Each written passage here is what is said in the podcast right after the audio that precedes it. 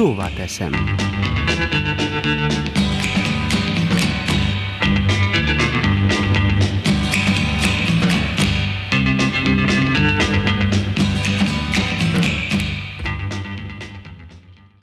A decemberi ünnepek szépsége abban rejlik, hogy az emberek a van akinek csodálatos és fényes, mások szemében gicsesen díszített környezetükben a szokottnál többször találkoznak ismerőseikkel, társalognak, mennek el a különböző rendezvényekre és kiállításokra.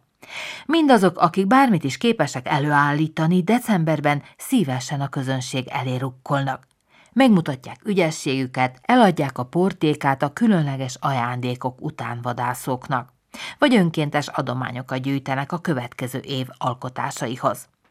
Ezen a hétvégén a lendvai nyugdíjasok is ügyesen közszemlére bocsátották, mire képesek, ismét csodálatot és elismerő mosolyt csalogatva látogatók arcára.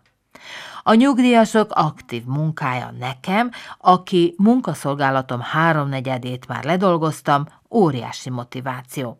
Ugyanis amikor látom ezeket a férfiakat és nőket, hogy milyen lelkesedve, erővel és akarattal dolgoznak, kedvet kapok a nyugdíjas éveimhez. Már csak néhány év, és én is csatlakozom az ország legnépesebb seregéhez, a nyugdíjasokhoz. Igaz, néhány éven van még azért hátra. Ki tudja addig, hány és milyen reform éri a nyugalmazásra vonatkozó törvényeket. De mégis. Rádiós karrieremben az első nyugdíjtörvény elfogadására pontosan 20 évvel ezelőtt decemberben a három éves tárgyalások után került sor. Az 1999-es vasárnapi egyetemben kiemeltem. Már akkor tudtuk és tudjuk ma is, hogy a régi nyugdíjazási törvény elavult, meg a munkanélküliek száma is túl magas ahhoz, hogy az egykor bevált nyugalmazási rendszer továbbra is működjön. Meg hát itt van Európa. Szerinte nem szabad túl fiatalon nyugalmazni a munkára képes embereket, és még nagyon sok ok volt arra, hogy ettéren is új törvény írja elő játékszabályokat. A legjelentősebb újdonság a nyugalmazási korhatár növelése, a nők esetében 61, a férfiak esetében 63 évre. Írtam 20 évvel ezelőtt, amikor a nyugdíjoszlopok bevezetésében látták a megoldást. 2010-ben már megint változásokra volt szükség. A témában született egy újabb jegyzet, benne örökzöld gondolatokkal, idézem. Aztán el sem múlt még a 15 év, megint egy újabb reformra van szükség. A gazdasági helyzet, a minden körülmények közt említeni illő recesszió, a lakosság öregedése, a mindig gyérebb natalitás mind-mind közrejátszott, hogy a tíz évvel ezelőtt oly precízen kidolgozott nyugdíjtörvény ma már nem állja meg a helyét azt, hogy a teljes nyugdíjjogosultság eléréséhez 40 évig kell dolgozni, talán még rendjén is van.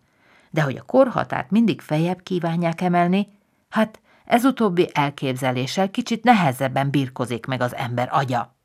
Emlékeznek? Akkor már 65 évre emelték a teljes nyugalmazási korhatárt. 2016 áprilisában esorokat osztottam meg a szóváteszemben. Szlovéniában az emberek a múltban teljesített munkára és a befizetett nyugdíjjárulékra való tekintettel túl fiatalon kezdik élvezni a nyugalmazásból eredő jogokat, vagyis a korhatárt emelni kell minimum 67 évre.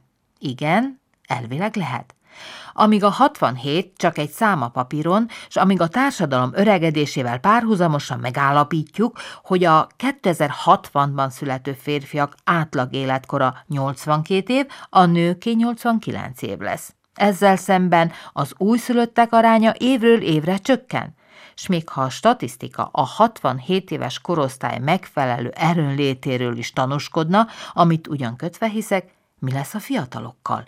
Már most nem kapnak állást, már most későn kerülnek a munkapiacra, és az sem titok, hogy az 50 éveseket nem alkalmazzák, mert a munkaadó egyszerűen öregnek tartja őket.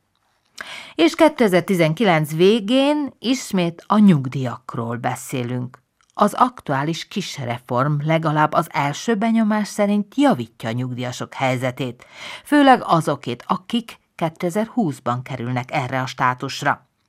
Javítják a kiinduló nyugdíj összegét a férfiak számára, amely a következő hat évben fokozatosan az 57%-ról 63-ra növekszik, mint amilyen a nőknél van érvényben. Azok pedig, akik 2020. január 1-ével nyugdíjba mennek, és esetleg aktívak maradnak, további stimulációra számíthatnak. Azok, akik életkoruk révén nyugalmaztathatnák magukat, három éven keresztül dupla státust élvezhetnek. Nyugdíjasként folytathatják a munkájukat is. A teljes fizetés mellé a nyugdíjösszeg 40%-át is megkapják. Három év után pedig a bér mellé a 20%-os nyugdíj jár meg, ha tovább munkaviszonyban maradnak. A dokumentum szépséghibája, hogy visszafelé nem hat, csak az új nyugdíjasoknak hozza a kedvezményeket. Miért van olyan érzésem, hogy a nyugdíjtörvény esete olyan, mint a naptárban ismétlődő jeles napok? Néhány év alatt körforgásszerűen ismétlődnek a dolgok, és mindig újból ugyanarra a problémára figyelmeztetnek. Egyszer a recesszió, máskor a gazdaság felvirágzása miatt kell valamit tenni, hogy a nyugdíjpénztár fenntartható legyen. Most a nyugdíjasok nyugalmazásuk után is dolgozhatnak. De hát akkor miért kell nyugalmazni őket?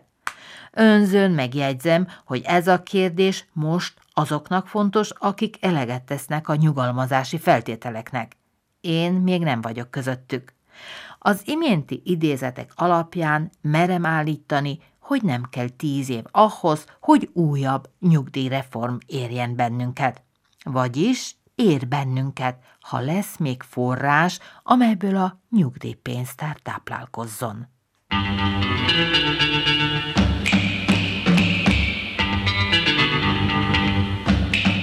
Szóval teszem.